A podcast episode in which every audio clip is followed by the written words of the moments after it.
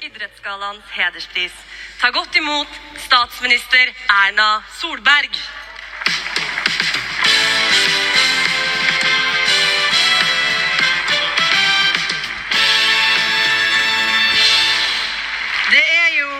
Veldig hyggelig å være her i kveld. Det er flott å få være med på å hedre så mange fantastiske mennesker som Idretts-Norge har å by på.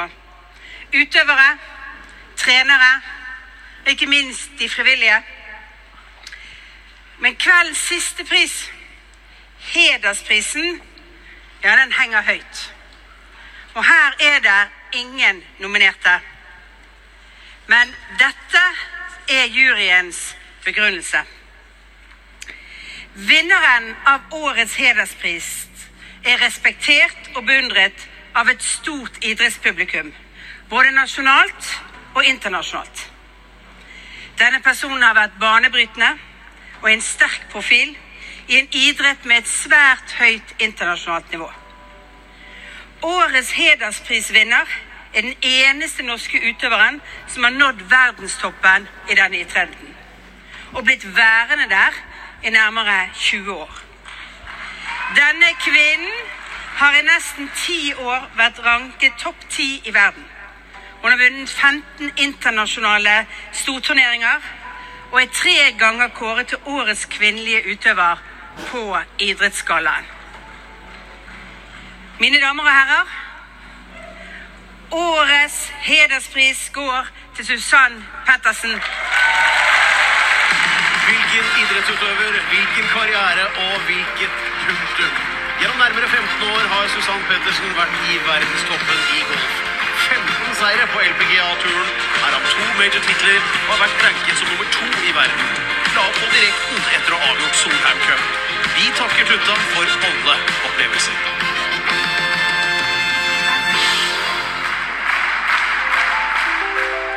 Vinneren av hedersprisen ved Idrettsgallaen er en som har utført noe ingen norsk utøver har vært i nærheten av.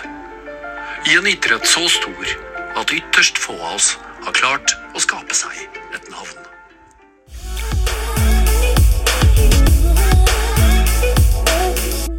Hei og velkommen til dagens gjest, som er ingen ringere enn Susann Pettersen. Eller Tutta. Ja, egentlig tutta. Ja. I hvert fall sånn som vi sitter her nå. Det er, det er, hva skal man si, det er liksom kallenavnet du er kjent for. Ja. Det er, uh... Hyggelig å være her. Er Faktisk første gang jeg gjør en podkast. det er Så- veldig hyggelig å ha deg her. Jeg er jo litt spent. Jeg kjenner jeg svetter litt, og er litt sånn, for jeg føler at du er jo uh... For det første er du innmari kul, og så har du eh, Jeg har jo alltid hørt om deg, jeg har alltid sett deg på TV, og du er jo eh, ganske mange år eldre enn meg, så jeg har liksom Og du har alltid vært en sånn som jeg liksom har sett opp til. Ja, det er. Eh, og det er, eh, da er det litt, nesten litt sånn Skummelt er feil ord, men det er veldig stas, da. Det er hyggelig, veldig hyggelig å være her. Veldig Eh, kult at du ville komme. Så da er det bare å kjøre på. Vi kjører på. Først, jeg Tutta, hvor, hvor, hvor Nei, kommer det, det fra, var egentlig? sånn at jeg, når jeg ble født, så skulle jeg hete Jeg vet ikke, det var sikkert flere navn, men eh, de ville at jeg skulle hete mamma og pappa. De. Uh, at jeg skulle hete Susann. uh, men så syntes mamma det var litt sånn hardt på en liten nyfødt jente. Så da ble jeg sikkert sånn Tutta min eller noe. Så da ble jeg Tutta.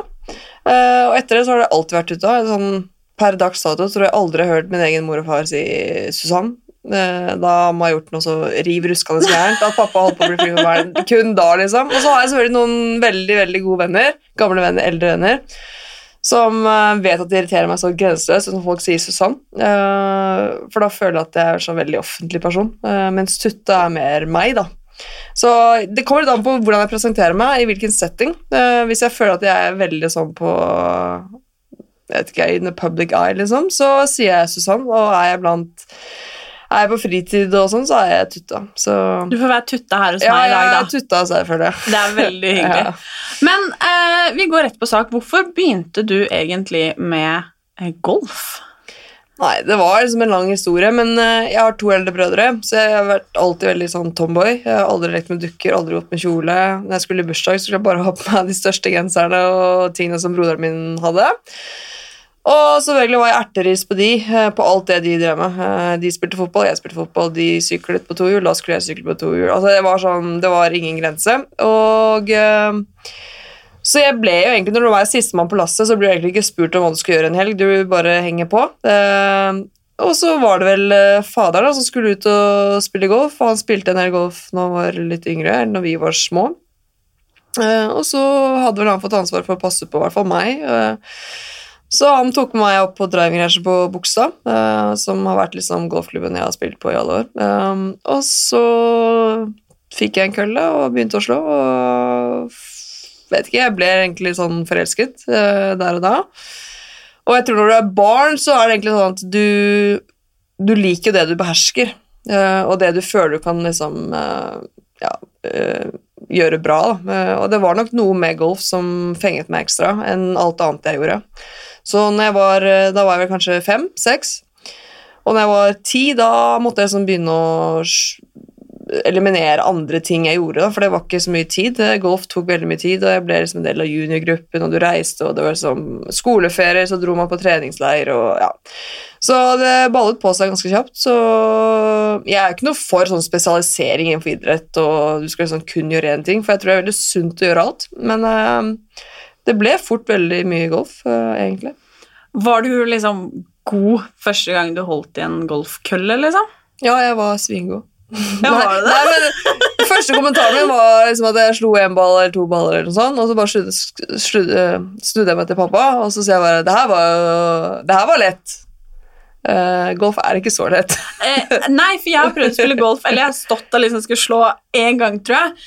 Eh, nei, det er ikke lett. Nei, det er ikke det, og det har jeg skjønt i senere tid. da. Eh, men eh, når du er barn, så ser du liksom ikke så mye hindringer. Da. Du bare gjør det du får beskjed om. Eh, så det var liksom introen min til golf. Og så begynte selvfølgelig når du behersker ting, og du vinner sånne små ting, og liksom veldig konkurransemenneske, da. Eh, veldig. Jeg tror kanskje det som har drevet meg opp gjennom hele karrieren. Jeg elsker å konkurrere, elsker å teste egne ferdigheter, da. Eh, og det er klart at eh, jeg ble veldig bitt av basillen. Og jeg tror jeg var tolv år da jeg skulle legge meg en dag og sa til pappa at eh, pappa, jeg skal bli verdens beste. Så jeg vet liksom ikke hvor bevisst man er, men at liksom drømmene startet å spinne i hodet mitt. da. Eh, Så det startet forholdsvis tidlig. Jeg syns det er innmari kult, jeg. Altså, og så har jeg jo nevøer og nieser og sånn i dag, og det er sånn eh, De sier 'Tuta, jeg skal bli psyko'. bare, det er bare å kjøre på. Du kan liksom ikke sette noen begrensning når barn ytrer eh, liksom eh, Ja, drømmen sin, da. Så viktig å ikke sette noen begrensninger på dem. Men la oss si at okay, du var god liksom, første gang du gjorde det her, men hvor mye har det på en måte krevdes av deg? Hvor mye måtte du legge ned når du var ung, og på en måte fram til du hva sier man, la opp? Nei, det er klart at eh, litt talent eh, hjelper du å ha i bunn, eh, og så er det eh, ingen shortcuts. Det er hardt arbeid over tid, eh, og det er liksom ikke Det er veldig mange som sikkert har eh, prøvd og følt at de har gjort en god innsats, og så kanskje er det egentlig ikke nok for å bli absolutt best. og jeg har i hvert fall aldri nørt med å legge alt annet til side for å kun kunne fokusere på liksom, trening og prosessen og mm, ja, det å bli bedre. Da. Eh, Og jeg er en sånn type som jeg blir aldri fornøyd. Selv når jeg vinner, så er det sånne ting jeg kunne gjort annerledes da, som gjorde at jeg vant. Altså, jeg finner alltid ting som jeg kan forbedre, og det er litt farlig også, fordi det er lov å gi seg selv en klapp på skulderen hvis du har gjort det bra på noe. Om det har vært en eksamen eller om det for min del var en golfturnering. da. Eh, Men allikevel så er det en sånn Det i seg selv blir jo en drivkraft, for du våkner opp neste morgen og bare er keen på å kjøre på enda mer eh, for å bli enda bedre.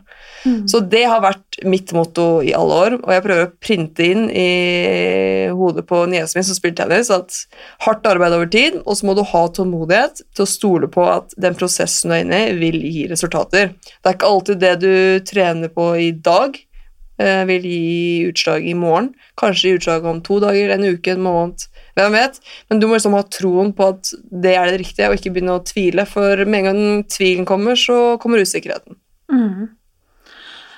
Hvor Altså, jeg må ærlig innrømme, det sa jeg til deg før vi begynte å spille nå, at jeg, jeg er jo ikke så god på liksom på idretten, liksom. Nei. På golf. Eh, Og jeg innrømte jo her at jeg er elendig, så eh, det er ikke så mye å skryte av. Men hvor mye Altså, hvordan trener man egentlig? Er det liksom Det er jo som jeg tror mange blir overraska med at øh, sjakk også er At fysikk er viktig, liksom. Hvordan Man gjør vel ganske mye mer enn å bare slå med denne golfkølla, liksom. Ja, nå er det sånn at golf er litt sånn eh, komplekst, for det er mange deler av spillet, da. Eh, Du har liksom det å slå langt, og så har du liksom finesse, det er liksom Et slag som liksom er eh, to centimeter, er liksom teller like mye som en, et slag som er 300 meter. Det er jo egentlig helt patetisk. Eh, liksom, de teller like mye, Ja. så eh, du skal liksom eh, håndtere alt da, eh, innenfor spekteret av hva golf eh, krever. Og eh, det er veldig tidskrevende, eh, så du skal være veldig strukturert da, når du liksom legger opp eh, planen for å sørge for at du kommer gjennom alt. Eh, og så er det alltid noen ting man er bedre på, som man synes, alltid syns det er morsommere å trene på. For min del var det alltid det å stå på driving rangen og terpeteknikk. Jeg vet ikke, altså er, man, man blir jo god på det man trener på også, men det er også viktig å ta opp de delene av spillet som kanskje ikke var så bra, og det er jo en sånn ærlighetssjekk. Eh, klarer du å si til deg selv at det her er faktisk ikke så bra? Eh, eh, så det golfmessige er sånn I en treningsuke for meg, når jeg holdt på som på det hardeste, liksom, treningsuke, så trente jeg kanskje golf skal jeg si effektivt, da kanskje et sted mellom seks og ti timer om dagen. Eh, og da Wow. kunne det liksom være teknikktrening da, i form av sving, uh, altså golfsvingen generelt. Det kunne liksom være tre timer på morgenen, Uh, lunsj, og så kunne jeg kanskje Enten gikk jeg på golfbanen og testet det jeg hadde trent, eller kanskje var det nærspill, kanskje var det putting, kanskje var det bunker, strategi Det er jo så mange deler av spillet. Det er sykt krevende. Altså, går du og spiller en runde golf, så går det jo fire timer før du har snudd deg. Så det er veldig sånn langtekkelig. Og når du driver med så mye med golf, så er det veldig ensidig. Så på en eller annen måte så er du nødt til å prøve å kompensere for all den mengdetreningen som nå kroppen tåler av belastning. Så da Uh, er det sånn fysisk trening. Det forebygger skader. Uh, du føler deg vel. Uh, du blir klarere i toppen. Du tenker klarere. Du restituerer deg kjappere. Så for meg har fysisk trening ved siden av golftrening vært en veldig viktig del, og det har liksom vært stedet hvor Enten om jeg har gjort det bra eller dårlig, det har vært stedet hvor jeg bare kan blåse ut frustrasjon, eh, bare sette på musikk og bare ikke tenke for halvannen time eller time eller hva det er. da. Mm. så for meg har det vært sånn getaway place, eh, og det har vært veldig deilig. Eh, og det savner jeg litt. Eh, men det som er digg når du er golfspiller, er at du er jo konge over egen tid, og du er din egen sjef. Så jeg har aldri måttet uh, ha møteplikt på et eh, visst klokkeslett, og aldri måttet liksom uh, sende rapport på hva jeg har gjort. Så man blir jo veldig selvstendig med den idretten jeg har drevet med, og det krever en syk struktur og disiplin. For det, det er lett å tenke sånn ah, skipper den økten i dag, og så tar det i morgen. Men det har jeg faktisk aldri gjort. Kanskje det er derfor du har blitt så god som det du Ja, det kan godt være at jeg har vært veldig sånn naiv sånn sett, men uh, Og så har man lært underveis da, å si nei da, til ting som har vært uh, mer fristende. Mhm. Har du noen gang vært skikkelig lei? At du har tenkt bare Ja, det var én gang jeg hadde spilt så sjukt dårlig, og så For det meste så har jeg vært veldig mye i USA, da. Eh, Jeg har bodd i USA i flyttet til USA i 2004, eh, og til og med nå, da, så det har vært Hva blir det? 13-14-15 år, nesten 16 år. Um, så veldig ofte så var det jo forskjellige tidssoner. Uh, så jeg var ferdig å spille, og så tror jeg fortsatt moderen og faderen ikke hadde De hadde ikke gått og lagt seg, i hvert fall. Så jeg snakket med pappa, og så sier han nå er jeg så drittlei, altså, jeg spiller så dårlig. Jeg tror jeg bare skal slutte å begynne å gjøre noe annet. Og jeg sluttet jo etter videregående og tok ikke noe videre studie og gikk ikke på college i USA, som veldig mange gjør da, i min, eh, i mitt eh, løp, liksom. Så da sier han selvfølgelig, smart nok som han er på telefonen, ja, men hva skal du gjøre da, liksom? Eh, du har jo ikke akkurat verdens beste papirer å vise til når det kommer til studier og sånn. Nei, da kan jeg sitte i kassa på Rimi. Altså, jeg var så drittlei, det var liksom første jeg kom på. Og da sier han sånn iskald, og iskald tilbake, da, så sier han sånn Men jenta mi, da tror jeg faktisk at det er veldig mange andre som er bedre kvalifisert for den jobben enn det du er. Så da tror jeg kanskje ikke du får den jobben. og da, akkurat, akkurat når han sa det, så gikk det sånn, var det sånn reality check. så bare Nei, men da får jeg bare fortsette å spille golf, da. Og så våknet jeg opp neste morgen, og så var alt like fryd og gammen igjen. Så ja, man har jo selvfølgelig gode og dårlige dager. Uh, man er jo menneskelig, og uh, Men jeg har aldri kjent på det at uh, nå orker jeg ikke mer. Og jeg har vært skadet, jeg har hatt skada brekk, kjipe ting som har skjedd, som man aldri kan planlegge. Men man gjør det beste ut av det, kommer tilbake og bretter opp ermene og kjører på videre. Hvor mye har du ofra sånn i f.eks. ungdomstiden, da det er veldig mye som eh, Ja. ja, frister av liksom fester og alkohol og kanskje sosiale ting som man kanskje må si sette til det side? at uh, når jeg var yngre, så var jeg meget sosial.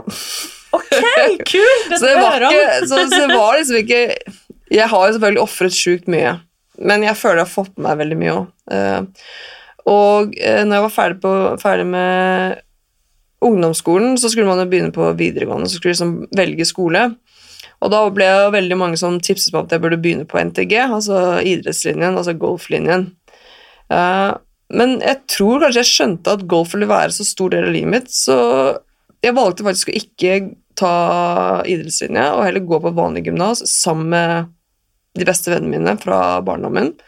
Og det er egentlig noe av det bedre valget jeg har gjort, tror jeg, fordi mine aller beste venner i dag er jo barndomsvennene mine. Eh, og hvem vet, hadde jeg liksom begynt på et gymnas med et nytt miljø, så kanskje man ikke hadde hatt eh, like god kontakt underveis med de gamle, gode vennene som man liksom har eh, vokst opp med. Så det var jeg veldig glad for at jeg ikke gjorde. Og klart, nå har jeg vokst opp i Oslo, så jeg hadde på en måte stort sett de fleste fasilitetene forholdsvis nærme. Eh, Så jeg bodde liksom ikke på bygda og måtte ta bussen tre timer for å kunne trene. Eh, Så det lå sikkert også litt i kortene, men jeg var russ, jeg var på russebuss, jeg var på tur, eh, ble drittlei, frøys og det holdt. Har sikkert ligget i en eller annen ditch og ja spydd, som alle gjør gjennom russetiden. Så jeg føler det som at jeg har vært eh, crazy high and low. Um, men så har liksom uh, At the end of the day så har jeg liksom alltid bare Nei, det er liksom I morgen er det trening, og, og jo eldre jeg har blitt, jo mer usosial jeg har blitt, da, fordi man blir jo helt uh, Altså, du lever jo i en boble, ikke sant, så uh, Jeg er jo elsker jo morgenen og ikke natta, liksom, så jeg elsker å sove. og eh, Det er bare blitt sånn der mitt eget DNA, og det merker jeg nå da, når jeg, ikke, når jeg liksom har lagt opp. og Jeg trenger jo ikke gå og legge meg tidlig fordi jeg skal opp og trene neste morgen, men det er bare sånn, jeg er så vant til å gjøre det at jeg liksom må ta meg i det. jeg var på en jentetur i høst, og da hadde jeg lagt opp. Og da var vi selvfølgelig ute og sånn, og når liksom klokken bikker sånn tolv, da begynner jeg alltid å tenke sånn, ok, jeg skal opp om seks timer, liksom, da sånn, begynner jeg å tenke på å gå hjem, for så er jeg opplagt til neste økt. Og så sitter jeg og spiser middag i Spania, for det så sen middag, og så ser jeg selvfølgelig på klokken, og er helt sånn uvane nå blitt da, Eh, og så sier jeg vennene mine bare sånn, men Tutta, du skal jo ingenting i morgen, jeg bare, nei, og jeg trenger ikke ha dårlig samvittighet for det, så bare kjører vi på, så var jeg hjemme klokken fem, da, så... Nydelig. Ja, men det er sånn, Jeg har ikke hatt eh, samvittighet da, til å gjøre det mens jeg var aktiv. eh, For jeg følte at det tok så mye ut av eh, de øktene eller det jeg skulle gjøre dagen etterpå. Så, Sånn sett så har jeg ofret litt sånn sosialt, men allikevel så føler jeg at uh, hadde noen vært i mine sko, da, så tror jeg de hadde gjort akkurat de samme valgene og ofret akkurat det jeg, føler jeg kanskje har ofret. da. Men det vanskeligste med det jeg har gjort, eh, det må jeg innrømme, det er faktisk å ha hatt eh, sosial kontakt da, med alle venner eh, når man liksom er over hele jordkloden på forskjellige tidspunkter. og Heldigvis så har man gode venner, og det er ikke sånn at eh, du blir ikke dømt i huet og opp og ned i mente fordi man ikke har ringt på en uke, liksom, eller uh, kanskje man snakker med hverandre en gang i måneden. Da. Altså, noen ganger så er det oftere enn andre ganger, men man blir liksom ikke hengt ut fordi man ikke har ringt, da. men du vet jo at uh, når du plukker opp telefonen, så er det som du snakket i går. Mm. Og det er veldig godt, da, men det syns jeg var Det har liksom plaget meg litt, at jeg ikke har klart å opprettholde så god kontakt da, med de man ønsker å holde kontakt med, for det, det er veldig vanskelig. Mm. Det skjønner jeg. Men hva er det største sånn idrettsmessig du har eh, opplevd i karrieren din? Nei, det er som eh, Det er mye. Altså, jeg har vunnet mange vanlige turneringer. ehm, og så har jeg vunnet eh, to majors, hvis som er eh, Ja, det er jo da Hvis du kjenner til tennis, så har du jo fire eh, grand slams i året. Samme har vi på golf, da, hvor det er fem majors som som har akkurat litt mer prestisje og litt mer eh, ja, egentlig mest prestisje rundt seg. Uh, og vinner du liksom en major, så blir du sånn satt i en egen kategori. Uh, føler jeg i hvert fall. Du differensierer deg i hvert fall fra en vanlig vinner eh, Jeg vet ikke helt hvordan jeg skal forklare det, men eh, det er som å kanskje vinne VM da, istedenfor en World Cup, mm. si det sånn. da. Men vi har da fire-fem sånne major-turneringer hvert år.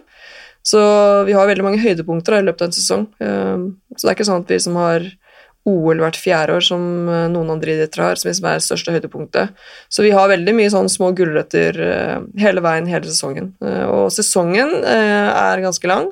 Den går fra slutten av januar til ut november. Så du konkurrerer ti måneder i året, og så har du eh, to måneder av, da, eller sånn konkurranse av. Eh, og jeg satte alltid en regel at når desember kom, så skulle jeg ha helt gåfri. Så da dro jeg alltid hjem til Norge og feiret og var på julebord og levde livet liksom, uten å ha dårlig samvittighet. Og så kom januar, og da var det bare å brette på å forberede seg til ny sesong. Så det er jo en helårsjobb. Mm. Hva er det største du har oppnådd sånn privat? Nei, det må jo ha vært eh, Først var det å gifte seg, selvfølgelig. Eh, Men eh, når man da så får barn, så blir jo ektemannen så vidt det er så vidt han er på pallen. For vi har jo bikkje også, så han spør jo sånn hele tiden ok, er jeg i hele tatt topp tre, liksom. Men når lille Herman ble født, det var jo og man har alltid hørt, da. ikke sant? Altså, det er vanskelig å si før man sitter der selv. Man liksom, det er sånn det mest fantastiske. og Det er bare love at first sight, liksom. Men, og jeg tenker sånn er det, er det virkelig sånn? Og når, plutselig så sitter du der, og ungen har kommet ut, og du har den i hånden, og det var bare Det er en helt fantastisk følelse. Og nå, nå blir han to til august, og nå begynner det å bli skikkelig kult. Eh, Jeg syns det har vært helt fantastisk hele veien, men jeg skjønner jo at liksom Når de begynner å prate, og ting kommer ut, og, og han digger golfkøller, han digger baller, og Jeg har ikke trute på han, men eh, det er veldig kul alder nå, faktisk. Tror du det blir naturlig at han liksom begynner å spille golf, han òg? Jeg vet ikke, men jeg tror han i hvert fall kommer til å være sykt aktiv. Han er sykt aktiv nå, eh, så jeg tror ikke han liksom kommer til å sette seg ned og spille kort. Eh, Det tror jeg ikke han har tålmodighet til. Eh, Så han blir nok en sånn aktiv type. Altså, nå er jo mannen min han har stått på ski veldig mye. Som ung så sto han aktiv på ski, så han blir nok sikkert Vi har jo dratt han på ski allerede. Det var i vinter. Eh, Og det gikk eh, greit. Man må bare ha korte, korte økter, for å si det sånn, mens leken er god, før det bare blir dramaskrik. Eh, og så har vi vært på golfbanen et par ganger. Eh, man skjønner jo ikke konseptet helt, men det, Det å løpe rart, og sparke på ball og Det er veldig mye lek, da. Så jeg tror han eh, Jeg skal ikke håpe at han begynner å spille golf, men gjør han det, så er jo det bare moro. Mm. Da kanskje jeg kan bidra med noe. Men hvor lenge har du vært eh, gift? Ah, gift Vi giftet oss i to giftet oss i eh, 7. januar 2017. Jeg har vært gift Tre år. i tre år. Men eh, nå jeg må spørre litt om dette, da. Mm. Jeg er litt nysgjerrig på det. Eh, du har jo, som du sier, bodd i eh, USA. Og han er jo norsk, er han ikke det? Jo, vi Jo. møttes eh, Du skjønte hva jeg skulle spørre om, ja? Ja, hvor vi møtte hverandre. Vi er eh, faktisk like gamle, og han, jeg har vokst opp eh, i Oslo, han har vokst opp i Sandvika. Men så er det sånn når man er yngre, så Du kjenner noen veldig godt, og så er det noen bekjente, og så er det selvfølgelig noen du alltid hører om. Han var typisk en kar jeg, liksom, jeg hadde hørt navnet. Og så var jeg og spilte en turnering eh, i Rochester i New York, altså i upstate New York. Og så får jeg melding fra en annen barndomsvenn av meg som sier eh, Husker du Christian Ringvold? Og så tenker jeg sånn, Christian Ringvold, Jeg klarer liksom ikke å putte et ansikt i navnet, men jeg hadde hørt navnet. Og så jeg, ja, for så vidt så gjør jeg det. Nei, for han, var, han bodde i bare en halvtime unna der vi skulle spille. Så han hadde spurt da, Nikolai, som han heter, eh, om han kunne spørre om han kunne fikse noen billetter, så han kunne komme og se på. Han hadde lyst til å komme og se på. Liksom. Det er kanskje ikke så, så ofte det er nordmenn liksom, uh, i nabolaget, for å si det sånn. Så tenkte jeg sånn eh, Ja, jeg kan jo alltid skaffe billetter. Altså, det har man gjort uh, tusen ganger, og så er det alltid no show. Uh, det er veldig lett å bare si at man kommer, og så passer det ikke allikevel. Så jeg forventet jo ikke at han skulle komme, men eh, så kom nå turneringen og begynte å spille, og det var ikke vanskelig å spotte en eh, norsk kar blant eh, alle amerikanerne som gikk og så på. Så sånn startet det. Vi ble sykt gode venner, eh, og vi hadde jo ganske mange felles interesser. Eh, og så var vi sånn litt i samme båt. Begge to var liksom Vi var like gamle. Eh, Han hadde drevet med ski og gått på college, da, i motsetning til meg som hadde spilt proff. da. Men vi hadde veldig mye felles interesser og veldig glad i å være aktiv og sånn, og var veldig gode venner i flere år. Helt til Dette er veldig spennende. Nei, men jeg, ja, så ble jeg Han var gift da på det tidspunktet oh, ja. med en amerikansk jente, så det var et sånn hinder på veien. Okay. Og så blir man alltid spurt sånn Ja, Tutte, har du noe på gang? Jeg bare Nei, jeg har jo ikke det, men det er selvfølgelig én kar, da. Men han har ring på fingeren, så da gidder jeg liksom ikke Jeg gidder ikke gå den veien engang.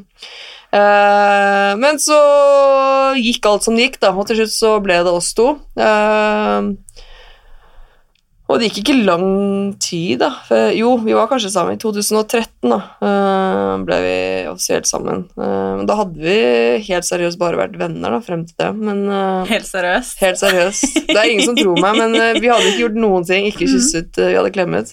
men Og da gikk det ganske fort, da. Da flyttet han inn hos meg, og I USA. ja. Ja. Hvor bodde du? Sånn, hvor var liksom basen Ja, din? jeg har hatt et eh, hjem i Orlando i Florida i alle år, Wow. som jeg akkurat har solgt, faktisk. Ja.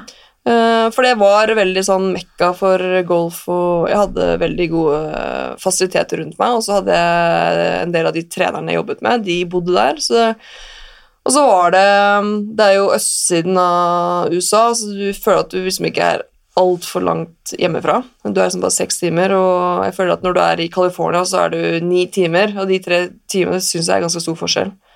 Um, og jeg følte at, at det var, var ikke vanskelig å bare hoppe på et fly og være hjemme i løpet av over natten. da. Eh, Så og, som sagt så har jeg akkurat solgt det, da, for nå har vi jo flyttet hjem, og jeg har ikke noe behov for å ha et eh, hus på, med tilgang til golfbaner der borte nå, når jeg ikke spiller lenger. Så eh, det har vært eh, veldig kult. Men der bodde vi da lenge, men vi reiste jo sjukt mye. Eh, på det meste så har jeg kanskje hatt 300 reisedager i døgnet i, året.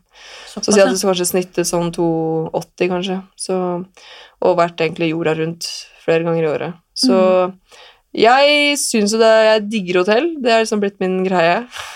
Det var ofte sånn at jeg var hjemme mellom turneringer, så kunne jeg bare Altså sånn mer komfortabelt å være på hotell da, enn hjemme, for hjemme så Måtte gjøre ting? ja, du måtte gjøre ting. Måtte gå og vaske klærne, og det var ingen som redde opp sengen når du gikk ut, og ingen som var ikke noe rene håndklær når du kom tilbake. Det er sånn der luksus da, som man blir vant til når du har bodd mye på hotell. Men det er mange ulemper med det også, og det er jo at uh, du blir ganske drittlei av å spise ute. Du spiser liksom løn, frokost, lunsj og middag med en meny i hånden, liksom. Det, du blir ganske lei av det istedenfor bare kunne gå og lage ditt eget uh, måltid. Mm.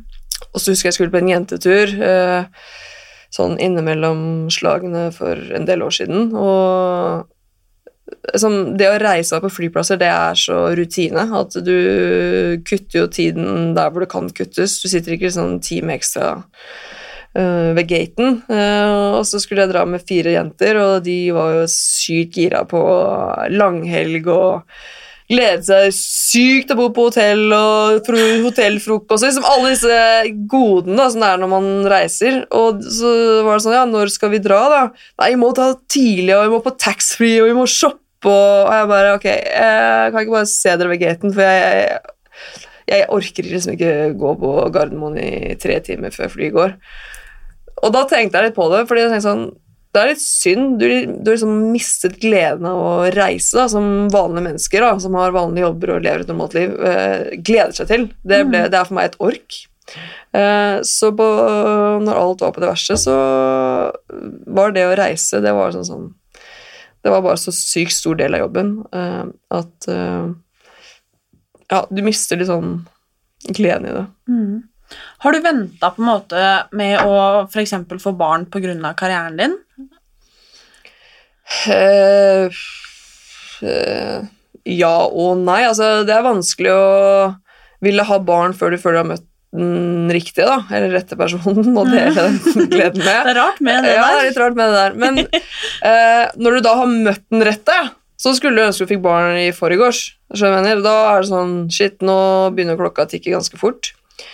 Men jeg ville i hvert fall ha med meg OL i 2016, eh, og da var jeg ganske sånn eh, Det kunne kanskje vært et godt eh, sånn endepunkt for min del, men allikevel, når OL kom og 2016 var over, så var jeg liksom ikke mentalt ferdig. Jeg følte jeg hadde mye mer inne.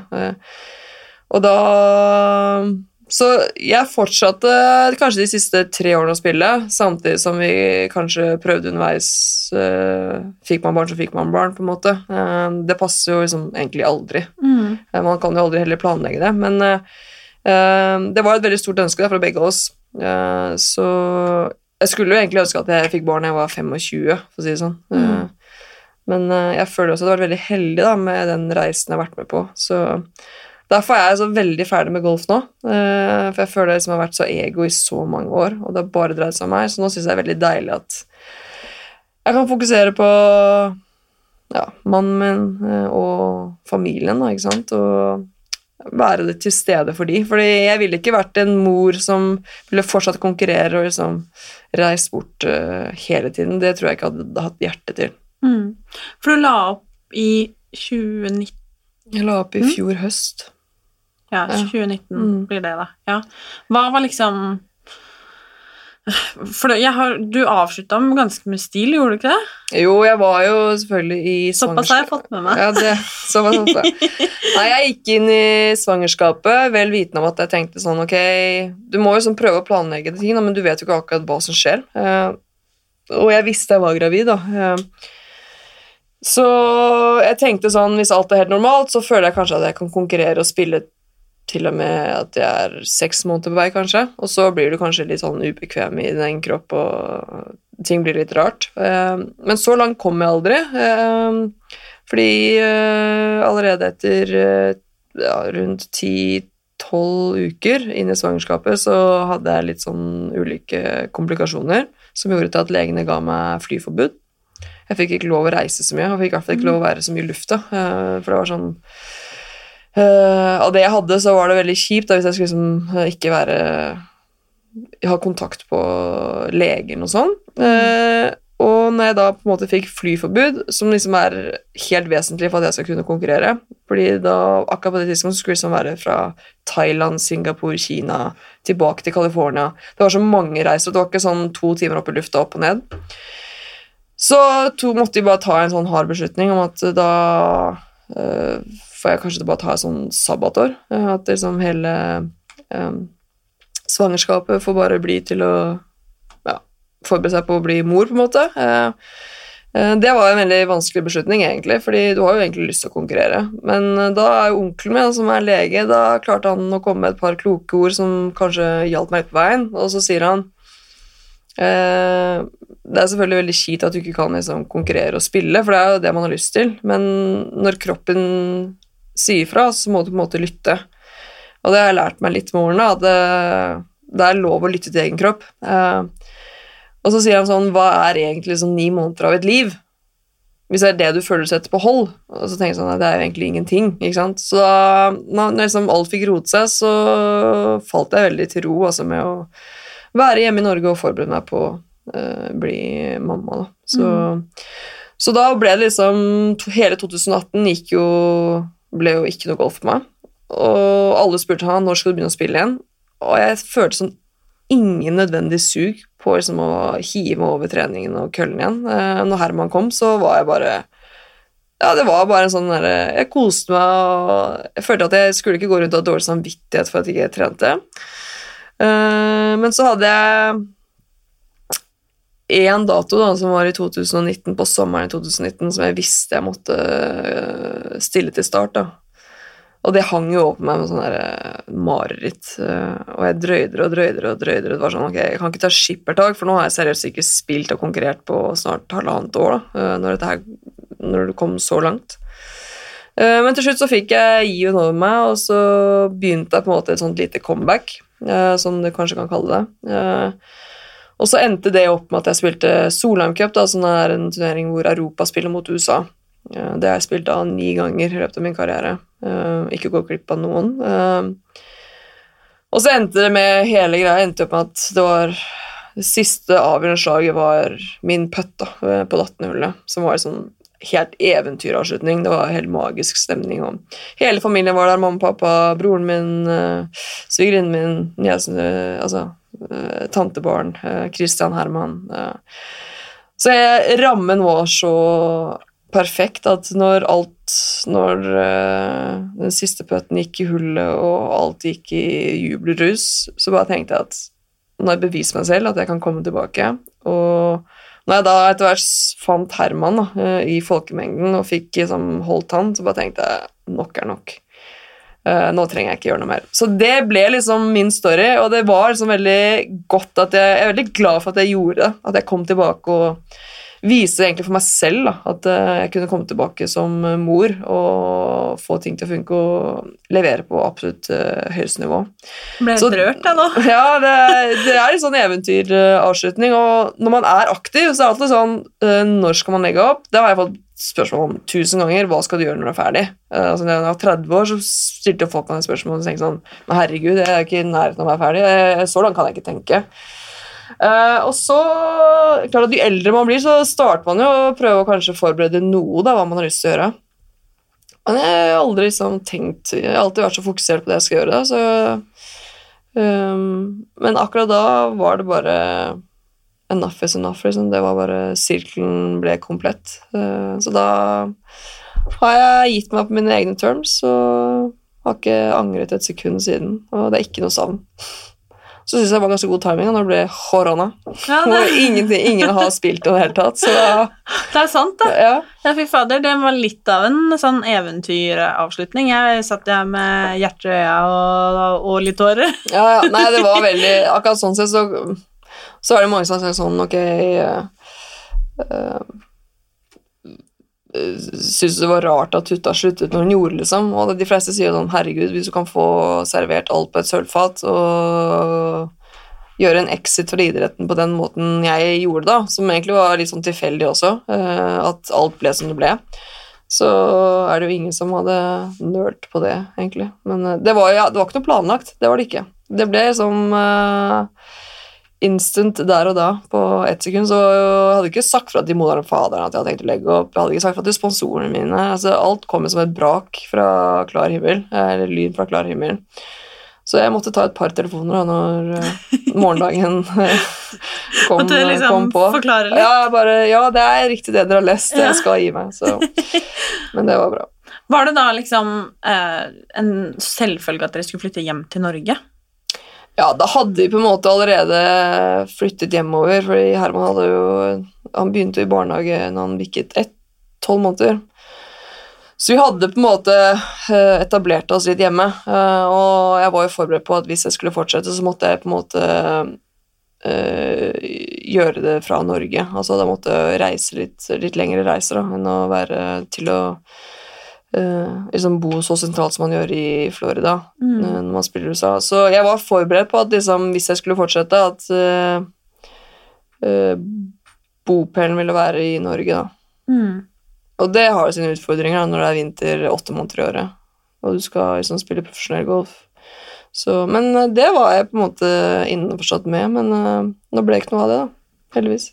Men hva gjør du nå, da? Hvordan ser livet ut eh, for Tutta nå?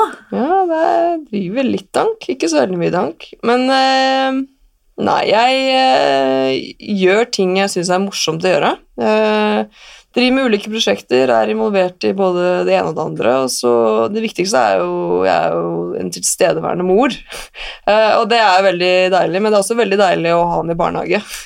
Av og til så kan helgene bli litt lange, akkurat den alderen de er nå. Altså sånn du må liksom følge med hele tiden. Eh, men eh, nei, så hverdagen går jo stort sett på å våkne opp og få han i barnehagen, og så er jeg som sagt engasjert litt i ulike prosjekter holder på å lansere et nytt vann. Eh, Kan man si hva det heter? ja, det må jeg få lov å si. Ja, si det, da. Cool water. Yes. Det skal lanseres i uke 38, så det er Drink cool. Drink cool. Så det er et veldig kult prosjekt som er uh, vann på kartong. Det finnes ikke i Norge, så vi er førstemann ut. Det blir eh, fire smaker. Alkalisk vann med bringebær, eple, sitrus og naturell. Uh, skal vi lansere det i uh, høst, da. Og så er det kult å være Man skal liksom ikke rakke ned på ulike ting, men kartong er jo eh, bedre enn mye annet. Uh, Det er jo miljøvennlig. det er veldig miljøvennlig, og det er veldig i vinden, det er bærekraft, og det jeg syns er kult med eh, produktet vårt, er at du selv tar et valg som forbruker. Eh, at du ønsker å ja, tenke miljø, da. Og det er et veldig enkelt valg du kan ta i hverdagen. Eh, når du er på farta, og skal inn og kjøpe et vann, eh, velger du plast, eller velger du kartong? Eh, I USA har jeg drukket masse vann på kartong, eh, så det er egentlig sånn rart at Norge, som er så flinke på alt mulig rart, og så langt fremme, så er det faktisk Her har vi faktisk hengt litt etter. Så jeg syns det er en kul story, og eh, som sagt, så, som forbruker, da, så tar du et, et godt valg, da. Og så er det digg når du er ferdig, kan du bare kaste den rett i søpla. Som vanlig melkekartong, og den går til resirkulering. og ja. Ganske kult, da. Ja, jeg syns det er veldig kult, og så smaker det veldig godt, og kartongen er dritkul, så vi håper at dette her blir uh, den, next, uh, den nye kule tingen, da. Uh, og selvfølgelig så er det jo eh, hovedfokuset vårt, eller hovedmålgruppen vår, er jo jenter eh, si 15 til 40, da, så jeg er akkurat innafor. Og jeg er midt i. Det er helt nydelig. eh, for det er mest eh, Det skal sies, da, det er jeg så sikker på, det er flest jenter eh, som kjøper eh, vann uten kullsyre. Eh, hadde mannen min stoppet på bensinstasjonen og skulle hatt seg noe å drikke, så han hadde kjøpt en eh, ikke jeg, brus, kanskje. Eh, og det er utrolig hvor mange unge som er opptatt av det å uh, være bevisste på hva man gjør, og hvilke valg man tar, og veldig mange som er genuint opptatt av uh, det å være miljøvennlig og tenke bærekraft da, fremfor noe annet. Så det er liksom det er et kult produkt, og så er det, det er bra for noe. og det, det syns jeg liksom, kanskje er det kuleste av alt. Mm. Så vent og se, det kommer snart. Ja. Gleder dere. Vi gleder Ja, oss, ja. for å si det sånn. Ja. Jeg har et spørsmål til som jeg har tenkt mye på. Eh, for at mm, man snakker jo veldig ofte om disse idrettsstjernene i Norge. Eh, ofte, ofte så er jo det langrennsløperne og sånn. Eh, og det er klart at eh, Fyller på med litt eh, vann. Jeg føler det er bare jeg som prater, så jeg blir tørr. Ja. Ganske flink til å prate, egentlig, jeg òg. Mm. Eh, hva skal jeg si Jo, um, at eh, Altså, det du har drevet med, det er jo en verdensidrett. Ikke sant? Langrenn er jo ikke det. Det er jo ikke til å legge skjul på det. Har du liksom altså, hvordan kan jeg spørre, stille dette spørsmålet? Har du noen gang følt liksom at eh, Norge egentlig ikke helt skjønner hvor stort det du driver med, er? Ja, det, det, det, det her er jo sånn øh, Jeg føler jeg har blitt konfrontert med dette her veldig mange ganger opp gjennom årene. Ja, ja, så kommer jeg da bare Nei, nei, nei, men det er jo på en måte eh, Når du er aktiv selv og er midt oppe, så tenker du ikke om Du tenker jo ikke på eh, på en måte hvem som gir deg kred, og hvem som ikke gir deg kred. Eh, det er litt sånn eh, uviktig oppi det hele, fordi det eneste du driver med, er det du elsker å gjøre, og jeg har elsket å spille golf. Uh, jeg vet jo at det har vært en litt sånn uh, vist vei da, for veldig mange bak at det er mulig. Men uh, når jeg var liten, så kikket jeg rett over landegrensen til Sverige. For Sverige hadde ekstremt mange gode golfspillere som var mine forbilder da når jeg vokste opp.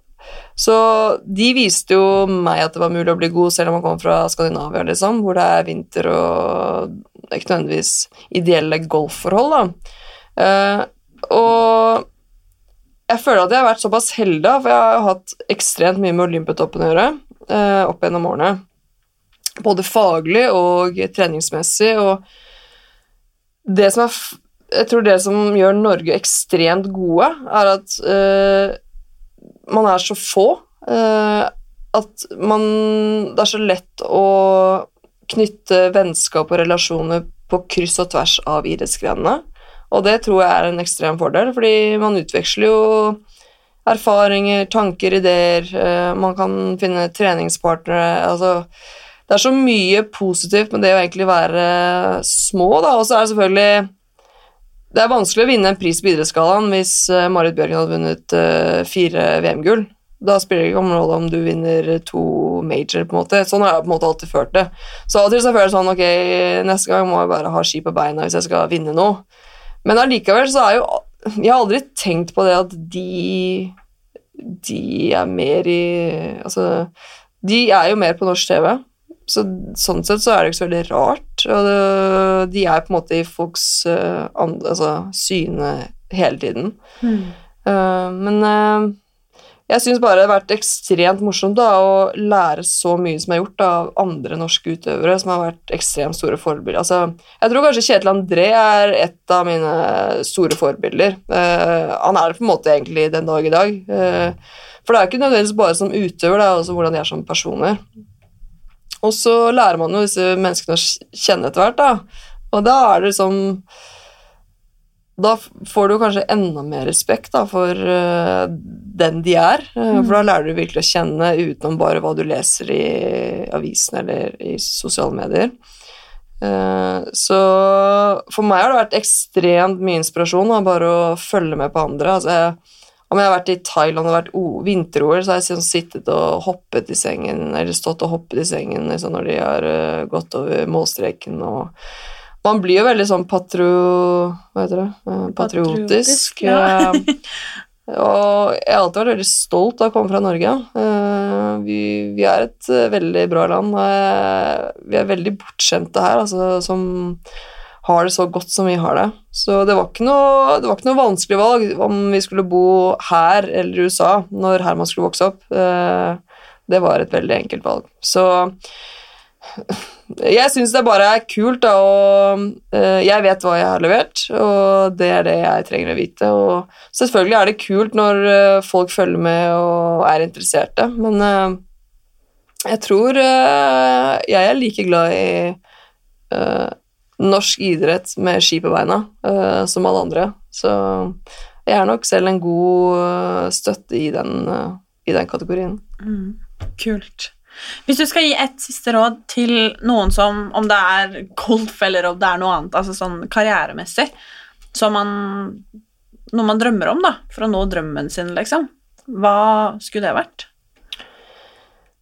Nei, det er jo sånn Jeg har alltid fulgt uh, magefølelsen. da. Alltid fulgt liksom the gut feeling. Um, og gjør du det, så tror jeg i hvert fall valget aldri blir helt feil. Uh, jeg tror det er verre hvis du blir på en måte snakket inn i noe, uh, på en måte dyttet i noe du kanskje ikke brenner like mye for. Så det å følge hjertet, men samtidig være litt realist, og uh, Gjør du noe nok, eller trener du nok, eller leser du nok, så blir du god på det du driver med. Eh, Så det er bare snakk om å være dedikert nok da, på hva enn man gjør. Nå har jeg liksom puttet x antall millioner timer sikkert ned i golf, og det har gjort at jeg har lykkes. Og jeg tror eh, hadde jeg puttet like mye tid ned i noe annet, så hadde jeg sikkert blitt øh, forholdsvis god i det òg. så jeg tror bare liksom Når man tar det valget, og nå skal ikke jeg sitte og si For det er helt umulig, altså det kan jeg ikke sitte og si at uh, utdanning er ræva. Uh? Eller utdanning trenger du ikke. Fordi jeg var jo i en situasjon hvor jeg skulle egentlig da på college uh, i USA. Fikk stipend og skulle spille på et golflag. Fordi hjemme hos oss så hadde jeg ikke klart å følge med på skolen i ungdomstiden og på videregående, så hadde jeg aldri fått lov til å reise så mye som jeg gjorde i skoletiden. Så det var liksom pri én hos hvert fall mamma og pappa, var at liksom skole først, og så kan du gjøre alt du vil med golf. Så øh, Og det trodde jeg på en måte fortsatt var tilfellet da når jeg var ferdig med videregående og skulle på en måte begynne å studere. Men så var det Hva var jeg? 90, var russ i 2000. Det er ganske kult. uh, så det var vel den uh, forsommeren da, at vi satt og hadde middag, og så sier pappa litt sånn henslengt uh, For da hadde jeg på en måte Alt jeg hadde gjort da, på golfbanen, var liksom Jeg hadde liksom tikket av veldig mange bokser. Og så sier pappa ved middag, jeg husker, husker det veldig godt eh, Du uh, du kunne sikkert prøvd å spille proff da, et par år og se om du liksom liker livsstilen. Eller. Det er ikke sikkert du liker å reise, det er ikke sikkert du trives med det, for du er jo borte hjemmefra, og du blir jo liksom veldig fort ensom. da, eller sånn, uh, Veldig fort voksen, på en måte. Du må jo lære å ta vare på deg selv ganske kjapt. Og da husker jeg sånn Men sier du nå at jeg ikke må gå på college? For da er jo valget sykt enkelt. Så jeg endte jo opp med å ikke gå på college, så ble jeg profesjonell, og det har funket ekstremt godt for min del. Og det var på en måte hjertet mitt som sa at uh, jeg følte at ja, jeg føler jeg er god nok til å gjøre det. Jeg føler jeg er god nok til å satse. Men jeg kan ikke sitte og si til uh, uh, barn som vokser opp i dag Følg hjertet, skip utdannelse. For det er veldig mye du får med utdannelse. Eh, så eh, det er liksom Jeg er kanskje et, eh, en av unntakene hvor det har funket. Eh, og skulle jeg tatt det samme valget igjen, så ville jeg tatt det samme valget. Så da vet jeg at det i hvert fall er et riktig valg. Men eh, det er veldig vanskelig å vite, for du vet jo ikke om du lykkes eller lykkes når du sitter og tar det valget. Men jeg vil jo anbefale alle å på en måte eh, ja, være litt eh, Prøv å ta litt smarte valg. Uh, tenke litt inn i fremtiden da, når du kommer til den alderen, i hvert fall.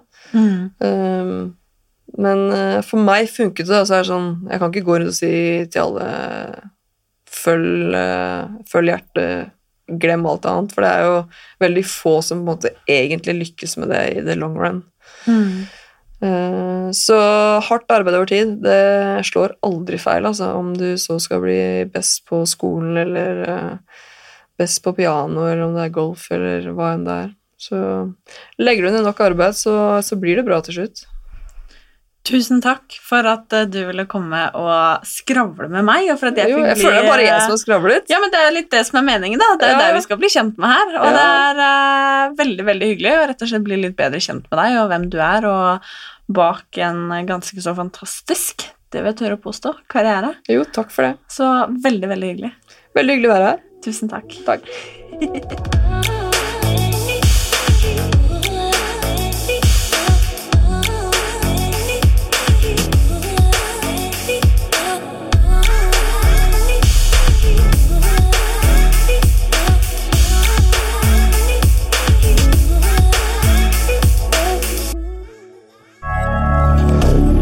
Moderne media.